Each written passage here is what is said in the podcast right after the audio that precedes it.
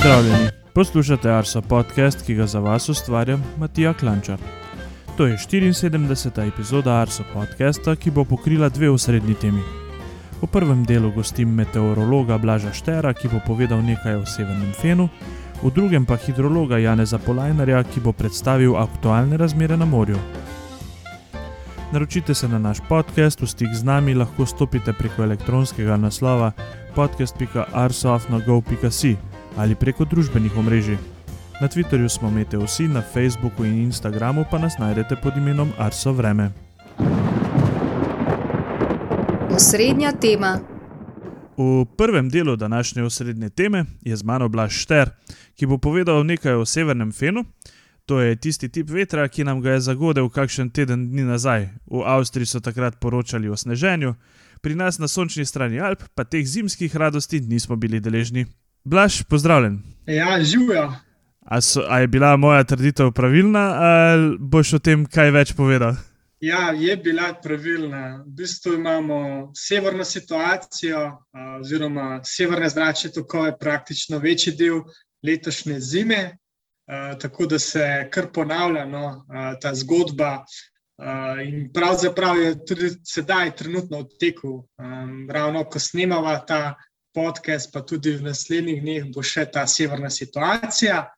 Um, ja, severni fen, um, korivi vreme v letošnji zimi, gre pa za spuščajoč veter severne smeri. Uh, fen si lahko predstavljamo kot topov veter, uh, kajti vemo, tudi recimo v kopalnici uporabljamo fena ne, in takrat vemo, da ja, pač uporabljamo za to, da posušimo uh, lase. lase. Um, nastane pa takrat, ko se zaradi spuščanja preko Alp zrak močno segreje, uh, više kot gremo v zraku, niže je zračni tlak. Če si predstavljamo delec zraka, ta se spušča in prehaja v področje z višjim zračnim tlakom. To je podobno uh, kot takrat, ko polnimo zračnico, tudi takrat se tlačilka in območje okrog ventila uh, močno segreje um, ker je zračni tlak bistveno višji od okoliškega. To segrevanje pa je izrazito, če je zrak suh, kajti takrat se zgodi, da se zrak na vsakih 100 metrov ogreje kar za stopinjo. Uh, tako da, recimo, če imamo gorsko pregrado, ki je visoka 2000 metrov, se bo zrak do morske gladine ogrel kar za 20 stopinj, tako da je sprememba res očitna. Um, manj, manj izrazita pa je ta sprememba oziroma temperatura um, takrat, temperatura na razlika takrat, ko je zrak uh, vlažen, nasičen, takrat se mora toplota, se to, ta toplota porablja tudi za iz, uh, izhlapevanje drobnih kapljic, tako da je razlika takrat manjša. Um, ja, um, tako da ja, ta situacija letos je res uh, zelo zanimiva. Um, bomo pa še verjetno imeli še kakšen takšen dogodek v v naslednjih tednih. Lepo si definiral zdaj tale severni fen, uh, malce bova razdelala še naprej v najnem pogovoru. Uh -huh. uh, na tem mestu me zdaj zanima, kdaj lahko pričakujemo sploh ta severni fen. Uh, ma, malo, si, malo si že nakazal, uh, v kakšen tip vremena, oziroma kakšna uh, vremenska situacija mora biti nad Evropo. Uh, Uh, verjetno boš povedal, kaj je zdaj še naprej o tem. Ja, res je. Um, leto se nekako obnavlja um, anticiklon nad Zahodno Evropo uh, in tudi delom Srednje ter Atlantika. Um, nad Vzhodno Evropo in Balkanom pa je pogosto območje nizkega zračnega tlaka. In to je ravno vremenska situacija, ki, um, zaradi česar nastane to, ta severni zračni tok in tudi severni fen. Um, še posebno pa je ta izrazit, če ta razlika v zračnem tlaku med obema uh, vremenskima sistemoma, se pravi anticiklonom na zahodno Evropo in ciklonom na vzhodno, uh, čim večja. Tako da um, ja, um, ta razlika je lahko tudi več kot 50 milibarov oziroma hektopaskalov in takrat imamo res pojav močnega tega severnega fena. Ampak v letošnji zimi recimo tako velikih razlik ni bilo, tako da tudi ta pojav vetrovi vseeno niso bili tako zelo močni, kot bi lahko bili sicer. Zakaj pa je kljub oblačnosti ob severnem fenu, um, pa da zelo malo ali pa sploh nič padavin. Uh -huh, A uh -huh. imajo v bistvu mogoče tle vpliv tudi uh, karavanke, ki imajo takšno lego zahod-vzhod? Ja, tudi karavanke, še prej pa glavni greben, alpski. Um, Slovenija v bistvu drži na južni strani Alp, od tega glavnega alpskega grebena smo oddaljeni le kakšnih 100, 150 km. Uh, tam so vrhovi visoki tudi več kot 3000 metrov, zato ni presenečenje, da smo ob vetru severnih smeri. Um, bolj ali manj na sončni strani Alp, kajti vlaga se nekako zaustavi na severni strani Alp, um, sploh ta vlaga v nižjih zračnih plastih, uh, potem pa se ta zračna masa spušča, kot je bilo že rečeno, in suši. Uh, tako da do naših krajev se v bistvu vse te padavine že posušijo. Večinoma že na glavni strani, na glavnem alpskem grebenu, nekaj pa tudi, seveda, recimo preko Karavank, Kamniško-Sevninskih Alp. Tako da je pri nas vreme res sončno. Uh, treba je omeniti tudi, da po zimi večino uh, vlage prihaja prav iz spodnjega dela ozračja, ne po leti bi imeli drugačno situacijo, bi tudi pri nas imeli padavine, če ne, če ne drugega, bi bile to plohe, nevihte. Ob tej situaciji po zimi pa pade re malo padavin, oziroma praktično le nič. Nekaj padavin včasih nastaja na vzhodu Slovenije, ker so Alpe na vzhodni strani nižje in pride nekaj te vlage tudi do nas. Um, ja, večinoma ponavadi je to pogosto sneg, kajti vseeno je ta severna zračna masa, severno um, severni zračni tok doteka hladnejša zračna masa, ampak ja, lahko pa so tudi, tudi uh, dež oziroma padavine, ki sploh ne dosežejo tal. In prav takšna situacija je tudi danes. Danes je Ja. torek, ko to snemamo, in uh, z vzhodnega dela Slovenije poročajo o, o sneženju v Šempetru, Mhm. celju in podobno. Res je, ja, nastajajo snežne plohe, ampak te so kratkotrajne in uh, ne prenašajo prav dosti um, snežne odeje. Ja, za krajši čas pa se lahko konkretno usuje sneg.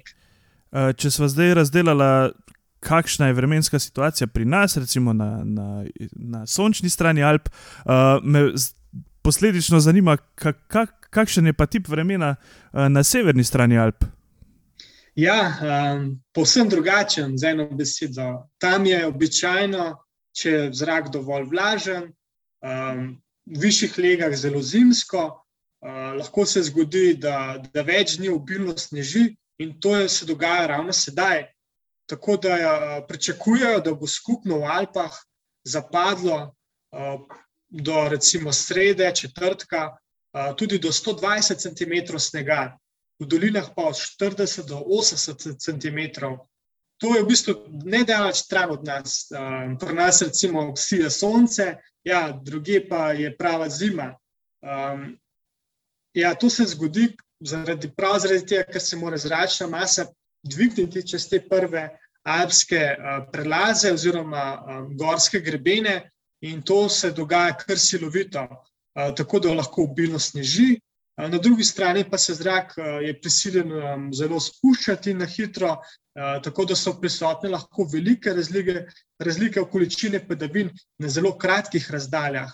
Pogosto je potrebna recimo samo vožnja, če gremo čez kakšen alpski tunel, pa nas na drugi strani čakajo posebno druge, uh, druge razmere. Tako da recimo naše Alpe so trenutne bolj skromne snežne odeje, medtem ko bo pa na severni strani Alp tega rahlega, svega, svežega snega lahko tudi več kot dva metra. Kajti, uh, kot, kot si že omenil, podobna situacija je bila tudi dober teden dni nazaj. Um, ne moremo pa mimo tega, da si omenil že v definiciji samega severnega fena, um, da je to topel veter. Ja, Kar posledično pomeni, da tudi po zimi lahko izmerimo nenavadne temperature za ta letni čas. res je. Ja. Um, ravno ob teh severnih situacijah uh, pogosto beležimo vremenske ekstreme, se pravi te najviše uh, temperature po zimi, predvsem po zimi, čeprav se lahko to zgodi tudi v toplejši delu leta, ampak vseeno so takšne situacije precej re- redkejše. Ja, um, za, za te ekstreme po zimi Um, sonce uh, ne, pomaga, ne pomaga kaj dosti, kajti vemo, da je nizko nad obzorjem, nima takšne moči, tako da je zelo pomembna ta prevetrenost po zimi za te uh, ekstremne oziroma temperaturne rekorde. Um, severni fen zlasti vpliva na potek temperature v Alpskih dolinah in kotlinah, kjer je fenski efekt lahko najbolj izrazit. Včasih se zgodi, da doline ne prepiha, tako da imamo zelo pestre temperaturne razlike po Sloveniji, lahko eno dolino prepiha, sosedno pa ne. In um, ta temperaturna razlika lahko potem tudi 10-15 stopinj celo. Um, mogoče najbolj spektakularen takšen primer je bil po zimi 20. Januara, januarja leta 1974.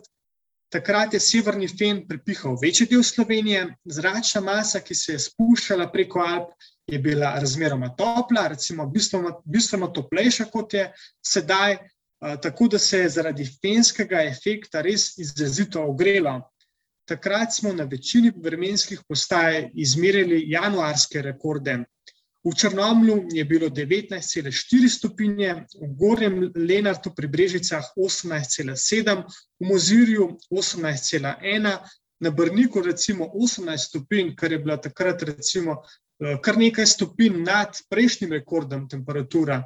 Celo na Šmarni gori je bilo 17,6 stopinje in v Ilirski bistrici 17,4. Je pa zanimivo, da recimo v Ljubljani, na Vrhniki, v Biljah pri Novi Gorici je bil, bil v bistvu poprečen zimski dan, nič kaj posebnega se ni dogajalo, kajti bilo je le okoli 11 stopinj. Um, ponekod drugod celo po 10 stopinj, recimo v Bohinju je bilo le 4 stopinje. Tako da ja, ta fenski efekt je ponekod res do, do, do, do dobra premešal to zrače, drugot pa niti ne. Tako da je res zanimivo, kadar zapiha. So morda po Evropi znani tudi kakšni kraji, področja, kjer je ta uh, severni fen še posebej izrazit in pa pride do nekih visokih temperatur? Ja, res je. To se dogaja predvsem na južni strani Alp, posod, recimo, zlasti tam, kjer so te doline precej recimo, globoke in imamo visoke vrhove v okolici. To se dogaja recimo v, v Južni Švici, pa ponekod, ponekod na Južnem Tirolskem. Tako da recimo tudi pretekli konec tedna je bilo na Južnem Tirolskem zelo toplo, izmerili so celo 20 stopinj, tako da zelo blizu celo januarskih rekordov je bilo. Um, tako da ja, ta severni fen uh, zapiha lahko tudi poleti, in tako uh, imamo tudi zelo visoke temperaturne rekorde, lahko v Švici, um, pa ponekod tudi v Italiji. Lahko se pa zgodi tudi obratno, imamo južni fen in ta je tudi uh, ravno tako zelo topu, uh, lahko še toplejši, kajti vemo, da iz juga uh, prihaja ponavadi še nekoliko toplejša zračna masa kot iz severa. Um, prej sem tudi omenil že karavanke. Uh, večkrat tudi slišimo v naših napovedih ali pa v medijih izraz karavanški fen. Je to enak tip vetra? Ja, v bistvu gre za podoben tip vetra, ampak uh, je pa res, da je to neka krajevna različica severnega fena, kajti uh, pri tem ne, ne odigrajo pomembno vlogo samo Alpe severne, ampak tudi naše Alpe, se pravi karavanke, Kaniško-Savinske Alpe in tudi Julici. Ja, ta karavanški fen je zlasti izrazit pod karavankami in Kaniško-Savinskimi Alpami. Običajno piha pod pobočji od les, od jesenic pa do kamnika. Najbolj izrazit je v okolici Žirovnice, les, predvora, v dolini Kokre in Crkl. Močneje lahko tudi piha v posočju. Podoben tip vetra je kot je burja, se pravi, gre za znova spuščajoč, zelo sunkovit veter, a se pojavlja predvsej redkeje, glede na burjo. Um, izredno močan je le nekaj let ali celo desetletji, morda pa nekaj več o karavanškem fenu povemo v eni izmed kakšnih drugih epizod, kajti po mojem si zasluži tudi karavanški fen enkrat celo epizodo. Ja, odlično, da že daješ predloge za naslednje epizode Arso podcasta. Se že veselimo v bistvu tudi uh, naslednjih pogovorov. Uh, na tem mestu pa se ti tudi zahvaljujem za tvoj čas, za zanimiv pogovor o, o Fenu. Uh, verjamem pa, drgač, da, da celotno področje teh vetrov je zelo zanimivo in uh, da bomo še v prihodnje res kakšno epizodo namenili temu. Ja, hvala. Mislim, da, da, da se splača od severnega Fena pa na morje k izrazitim osekam, ki smo jim bili priča v zadnjih dneh. Z mano je hidrolog Janez Polajnar, ki bo podal nekaj odgovorov povezanih s to tematiko. Zdravo, Janez.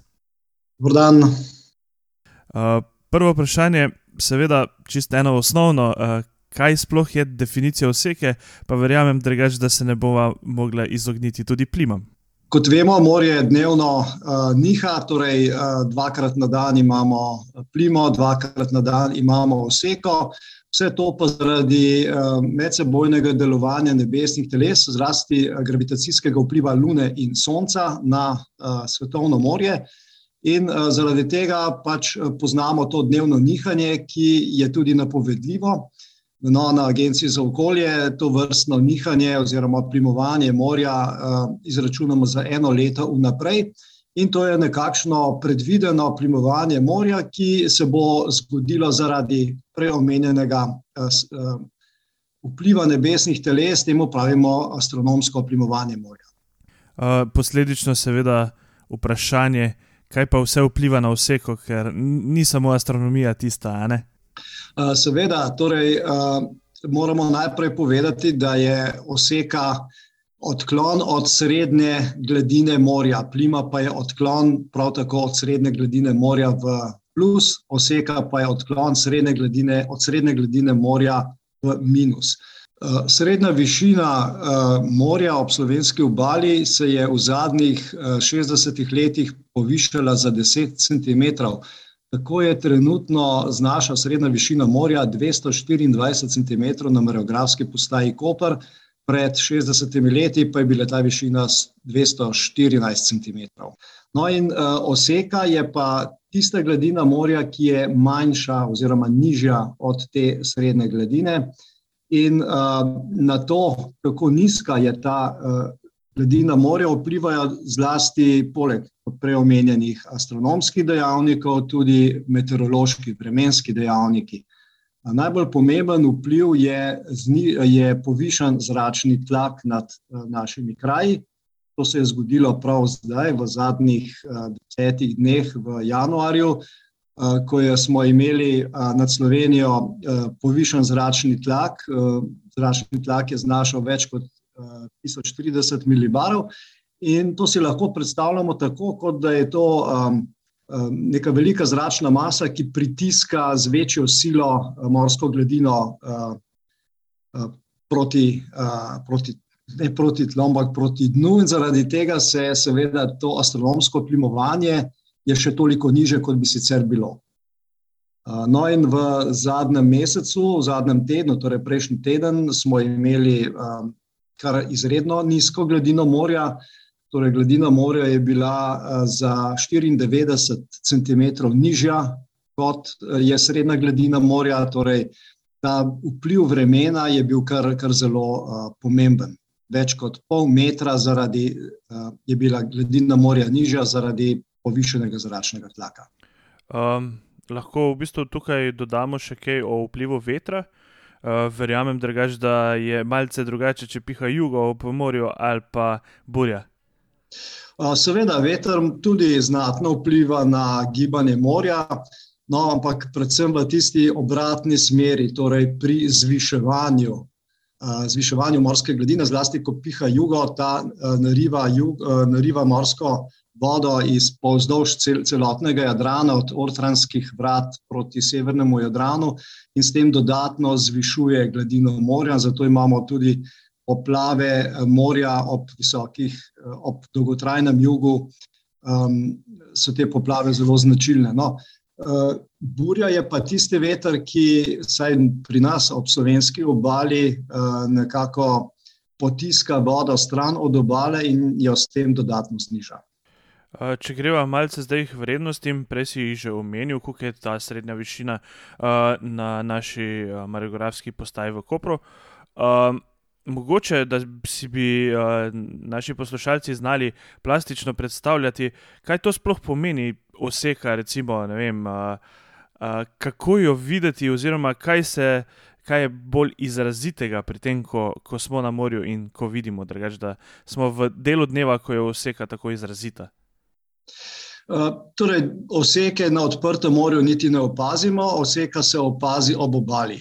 Uh, slovenska obala je plitva, uh, zlasti nekateri deli obale, kjer se izlivajo tudi reke iz slovenske istre v morje, tam so pravzaprav plitvine.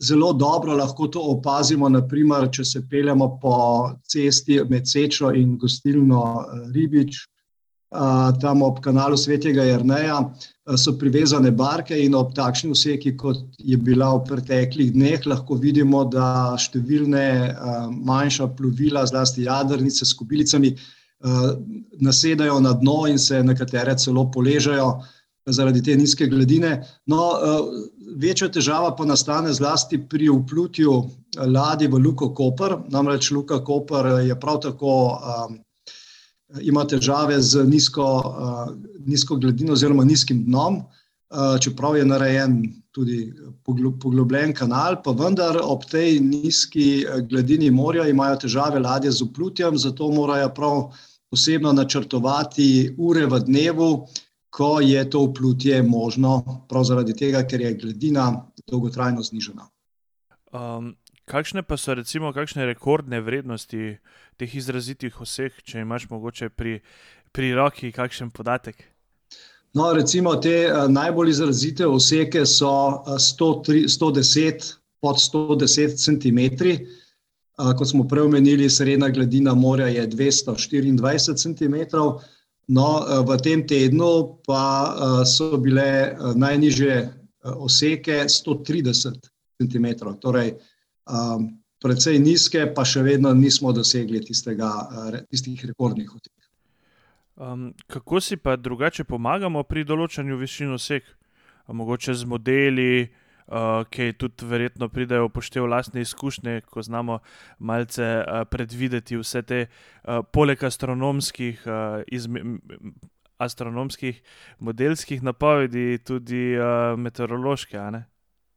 Eh, prav gotovo eh, imamo nekaj, eh, nekaj modelov, numeričnih modelov, s katerimi lahko napovedujemo gladino morja, glede na, kot že prej omenjeno, izračunano astronomsko plimovanje, pa tudi glede na napovedi meteoroloških modelov za naslednje dni. No, in glavni dejavniki pri izračunu nizkih osek oziroma nizke gladine morja ob osekah je prav povišen zračni tlak. In uh, ta povišen zračni tlak in pa seveda veter, um, so, to, to so parametri, ki so vključeni v te modelske izračune in na podlagi tega lahko uh, dovolj natančno, skoraj da na centimeter natančno predvidimo gladino morja v prihodnjih dneh. Uh, mogoče za konec še eno vprašanje, glede na to, da si že omenil uh, našo Luko Koper, uh, na kaj vse vplivajo izrazite vseke uh, verjetno moramo poslati v Koper tudi kakšno opozorilo, uh, če predvidevamo, da, bo, da bodo takšne izrazite vseke, kot so bile v preteklih dneh. Uh, seveda, hidrološka prognostična služba vsakodnevno uh, pošilja dogovorjen obrazec na upravo za pomorstvo, uh, kjer opozarjamo oziroma predvidimo bodi si povišeno gladino morja, bodi si zniženo gladino morja glede na njihove, na njihove želje oziroma njihove možnosti vplutja. Tako smo tudi v preteklih dneh bili v kontaktu z upravo za pomorstvo in smo nekako skupaj skušali predvideti, kdaj bodo tisti časovni termini, ko bo pod ladjami tako rekoč največ vode v teh dneh in da so lahko izvajali svoja pristaniška dela. Mogoče čisto zadnje vprašanje. Uh, kakšne so pa tvoje izkušnje, imaš kakšno anegdoto povezano z oseko, ker vem, drugač, da si eh, dosti na morju? Ja, uh, Imam recimo tak primer, ko je treba zelo paziti na vse, ko je, ko s plovilom, v mojem primeru z jadrnico, vpluješ v Gradež, to je na italijanski strani, tam je obala še bolj plitva. In čeprav je dostop do Gradeža narejen z poglobljenim kanalom, je ob oseki zelo težko izpluti in je potrebno počakati da se voda dvigne, sicer z jadrnico, ki ima ogreza recimo tam okoli meter in pol do dva metra, praktično ne moreš izpluti in no, imam to izkušnjo, da sem enkrat celo podrsal po tleh. Janez, hvala lepa za tvoje izkušnje, da si jih delil z nami. Verjamem, da se zopet kaj slišiva v prihodnjih tednih in pa mesecih. Velja, hvala lepa in pozdrav vsem. Obeti. Nekaj več o vremenu naslednjih dni bo z vami delila Veronika Hladnik Zakotnik. V preteklih dneh smo sicer bili deležni manjših padavin, a zadnje konkretnejše padavine smo zabeležili pred skoraj štirimi tedni. Nadpovprečno osončen in suh januar je že zamenjal februar, ki pa bo, kot kaže, vseeno nadaljeval z januarskim vremenom. Konkretnejše spremembe vremena ni na vidiku, kljub temu pa nas bodo občasno plazile vremenske motnje. Danes bodo predvsem dopoldne še nastajale posamezne kratkotrajne in večinoma snežne plohe, dan pa bo zaznamoval tudi okrepljen severni do severozahodni veter. Sonca bo več v popoldanskem času. Četrtek bomo občutili vpliv tople vremenske fronte, ta bo prinesla povečano oblačnost predvsem v vzhodni in osrednji Sloveniji, popoldne pa se bo postopno umikala iznad naših krajev. Ponekod bo zapihal tudi jugozahodni veter. Ta bo pihal tudi v petek, ko se bo od jugozahoda postopno pooblačilo.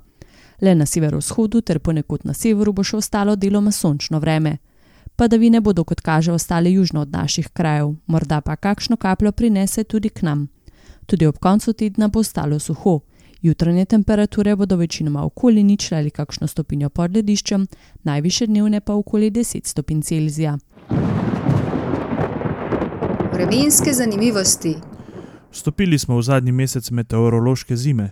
Poglejmo, s kakšnimi vremenskimi ekstremi nam je postregel prvi mesec letošnjega leta. Najvišjo temperaturo smo v januarju izmerili na novega leta dan. V Godnjah se je segrelo do devetnajst celih ena stopinje Celzija. Zelo toplo je bilo v sredogorju, okoli nadmorske višine tisoč metrov, na Krnu je bilo sedemnajst celih devet stopinje Celzija, na Slavniku pa sedemnajst celih dve stopinji Celzija. Najnižjo temperaturo smo izmerili v Novi vasi na Blokah, osmega januarja se je temperatura spustila do minus enaindvajset celih štiri stopinje Celzija. Najhitrejši sunek vetra je bil izmerjen na Kredarici. Tridesetega januarja je pihalo s hitrostjo sto dvaintrideset kilometrov na uro. Največ padavin v enem dnevu je padlo šestega januarja na postaji Vogel, kar sto sedeminsedemdeset celih tri milimetre padavin. Od tega dne dalje praktično povsod po Sloveniji ni bilo omembe vrednih padavin. Najbolj sončen dan smo zabeležili na postaji Krvavec, ko je šestindvajsetega januarja sonce sijalo devet ur in sedem minut. Najbolj sončna postaja v januarju pa je bila postaja Kanin, ki je zbrala sto dvaindevetdeset ur in sedemindvajset minut sonca. Štiriinsedemdeseto epizodo smo pripeljali do konca. Hvala vam za vse odzive, kritike in poslušanja. Želim vam obilo lepega vremena in se slišimo čez štirinajst dni.